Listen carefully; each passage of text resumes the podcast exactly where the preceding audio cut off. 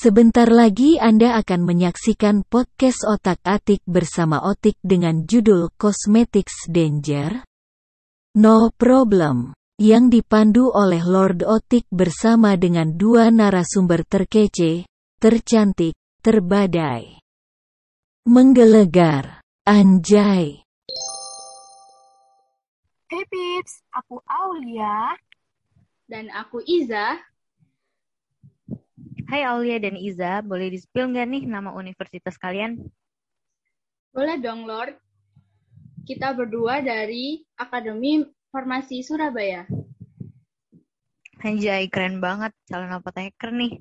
Oke, kali ini Lord akan ngajakin kalian ngobrol seputar perkembangan dan keamanan kosmetik di Indonesia. Are you ready, guys? Ready. Ready. Kita masuk ke segmen mitos atau fakta. Pertanyaan pertama, mitos atau fakta kalau produk kecantikan dengan bahan alami terbebas dari segala bahan sintetis atau bahan kimia? Mitos. Tos. Waduh, kompak banget nih. Ada yang bisa ngasih tahu ke Lord Oti nggak kenapa kok bisa mitos? Perwakilan aku deh, Lord. Oke, iya. Karena kalau udah dalam kemasan dan diedarkan ke masyarakat, udah pasti ada bahan kimianya dong ya. Entah itu sedikit, sedang, atau banyak. Kalau yang pure alami, ambil dari tanaman langsung, terus dipakai deh. Nah, bener nih jawaban kalian mitos. Tapi ada yang sedikit salah dari pernyataan Sis Ija.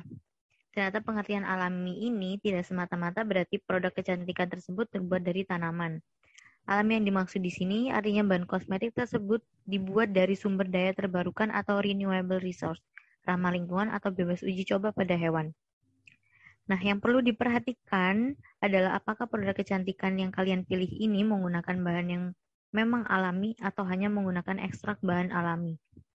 Ekstrak bahan alami di sini berarti produk tersebut tidak murni terbuat dari bahan alami. Namun ada beberapa bahan kimia yang lazim digunakan untuk kosmetik, seperti contohnya mika, silika, dan clay, yang memang merupakan bahan kimia yang berasal dari alam dan dalam proses pembuatannya bahan-bahan tersebut digunakan secara langsung tanpa melalui proses kimia. Jadi gitu guys. Oke, okay, next question. Mitos atau fakta perusahaan yang memproduksi pembersih tangan yang mengandung etil alkohol mendapatkan sertifikasi halal untuk produk tersebut? Mitos. Wah, kompak lagi nih. Memang etil alkohol itu apa sih? Ada yang tahu nggak? Biar aku jelasin ya, Lord. Oke. Okay. Aulia. Uh, setahu aku, ya, kalau etil alkohol itu biasanya disebut etanol. Nah, etanol ini sejenis cairan yang mudah menguap, terus mudah terbakar, dan tak berwarna. Dan paling sering digunakan dalam kehidupan sehari-hari. Gitu, Lord. Oke, betul sekali jawabannya mitos. Alkohol yang dalam bahasa ilmu kimia disebut etanol atau etil alkohol. Dalam khamar, terdapat air dan gula sebagai sisa yang tidak terfermentasikan. Alkohol dan gas karbon dioksida sebagai hasil proses fermentasi. Penggunaan alkohol atau etanol hasil industri khamar untuk produk makanan, minuman, kosmetika, dan obat-obatan hukumnya haram. Pengharaman khamar dipertegas dengan pernyataan Nabi yang berbunyi, setiap yang memabukkan itu hamar dan setiap hamar itu haram. Hadis riwayat Muslim. Jadi seperti itu guys penjelasannya. Next question. Mitos atau fakta adanya kosmetik haram di Indonesia? Mitos. Fakta. Jawabannya fakta.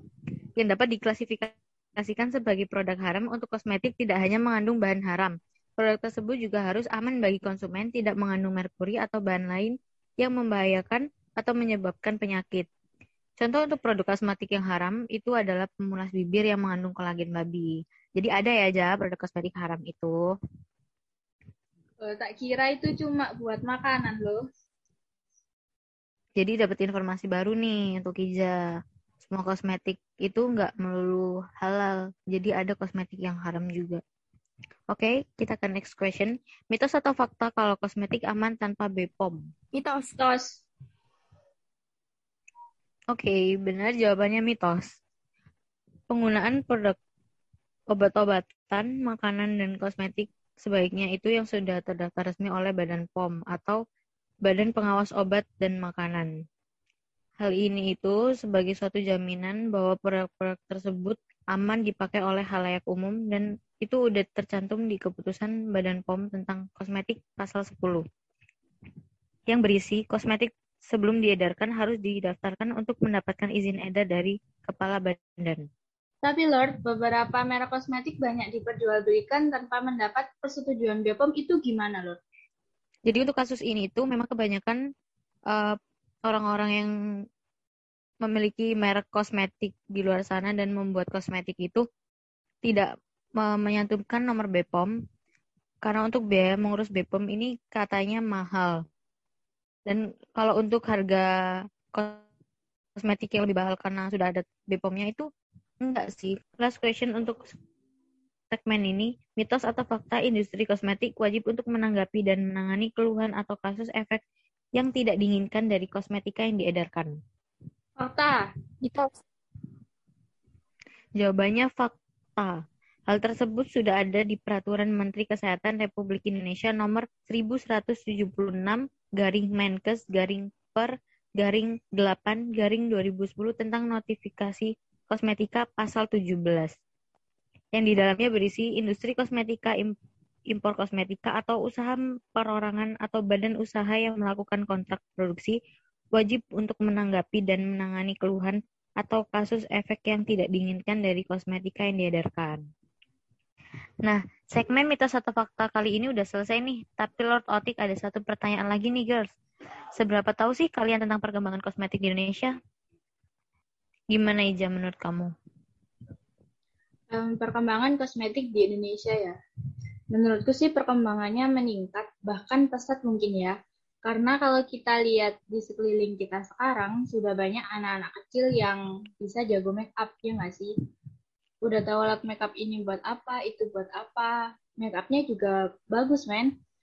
Dan ada juga waktu itu anak kecil yang jadi MUA yang sampai viral dan nge-make upin beberapa beauty vlogger Indonesia ya kan. Menurutku itu udah jadi bukti betapa pesatnya perkembangan kosmetik di Indonesia sekarang ini. Kalau menurut Oleh gimana? Hmm, kalau menurut aku ya, Sejauh ini sih menurut aku perkembangan kosmetik di Indonesia itu tergolong meningkat banget ya. Soalnya kan masyarakat, terutama kaum wanita ini semakin sadar akan pentingnya kosmetik sebagai kebutuhan sehari-hari. Nah, tren penggunaan kosmetik yang paling berkembang dari sosial media, serta tuntutan seseorang untuk berpenampilan menarik di depan umum, menjadi salah satu alasan industri kosmetik berkembang dengan baik di Indonesia. Dengan permintaan pasar akan kosmetik yang terus-menerus meningkat, itu penyebab para produsen kosmetik saling bersaing ketat menciptakan dan menawarkan produk yang mampu memenuhi ekspektasi para calon pembeli. Gitu Lord, kalau dari aku. Nah, bener banget menurut Ija dan si Aulia nih. Jadi perkembangan kosmetik dari tahun ke tahun itu semakin meningkat banget. Dari kalangan anak kecil remaja dan dewasa itu semuanya pasti pernah menggunakan kosmetik maupun itu dari skincare rutin atau makeup untuk sehari-hari, untuk kerja atau untuk pergi ke acara. Anjay, dan habis ini pertanyaannya gimana otak-atik kali ini seru nggak guys? Seru dong. Seru dong, masa Oke, terima kasih ya untuk Aulia dan Iza udah nyempatin hadir di obrolan kita kali ini. You're welcome. Welcome, Oke, otak-atik kali ini terpaksa kita sudahi ya. Thanks a lot udah dengerin dan simak obrolan kita putar perkembangan dan keamanan kosmetik di Indonesia. See you untuk episode selanjutnya. Stay healthy dan jangan lupa 3M. Mencuci tangan, memakai masker, dan menjaga jarak. Stay in otik. Stay in otik. Bye. Bye-bye, guys. Thanks.